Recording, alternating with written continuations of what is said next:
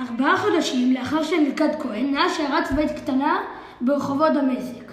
לאחר נסיעה קצרה, עצרה השיירה בתחנת המשטרה מו"ל שבלב העיר, ולמקום הובלו קצינים רבים, וכן עיתונאים וצלמים שקיבלו אישור לתעד את שעותיו האחרונות של המרגל הישראלי הבכיר ביותר שנלכד בסוריה. לאחר מכן הובל כהן למרכז כיכר מרג'ה, שבה המתין אבו סלימן, התליין הראשי של סוריה, אשר תלה אותו. גופתה נותרה תלויה שש שעות, כשהיא מכוסה בסדין לבן ועליה כתב האישום לעיני העוברים ושבים בכיכר.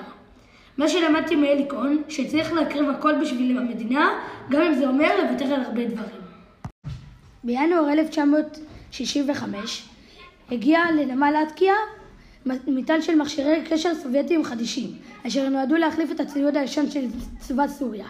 ב-7 בינואר 1965 נערכה החלפה. לשם ביצוע החלפה ובדיקת יעילותו של הציור החדיש, הוחלט להטיל דממת אלחוט במערכות הקשר של הצבא הסורי ל-24 שעות. אלי כהן, שלא ידע על דממת האלחוט, המשיך לשדר כהרגלו. במקלטי הצבא הסורי ננעלו עלות השידור ופענחו אותו. כאשר כוחות הצבא פרצו על ביתו, אלי כהן נתפס כשהוא משדר ולא גילה כל התנגדות למעצר.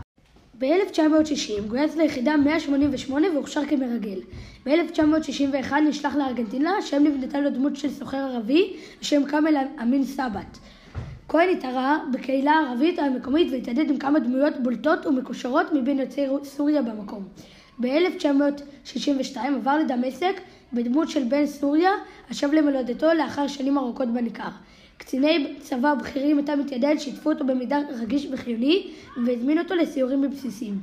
באמצעות קשרים אלה אסף אלי כהן מידע רב, על פי הנחיות מפעיליו במודיעין הישראלי. אחת לחצי שנה יצא לנסיעת עסקים באירופה שאפשרה לו להיפגש עם מפעיליו ולהגיע לישראל לביקור אצל משפחתו בבת ים. אלי כהן נולד לשאול וסופיה גינדי כהן באלכסנדריה שבמצרים, אח לשבעה. הוריו היגרו למצרים מחלב שברוסיה. מגעיו עם המודיעין הישראלי החלו כבר ב-1952 בגיל 28.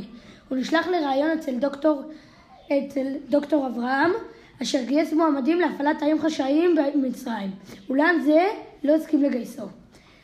מבצע קדש בשנת 1956 הביא להידרדרות במעמד יהודי מצרים, ובעקבות כך עלה, עלה כהן לישראל עם בני משפחתו והתגורר בבת ים.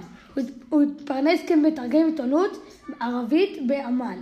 שלוש שנים אחר כך נשא לאישה את נדיה, עולה, עולה מעיראק, אחותו של הסופרת סמי מיכאל.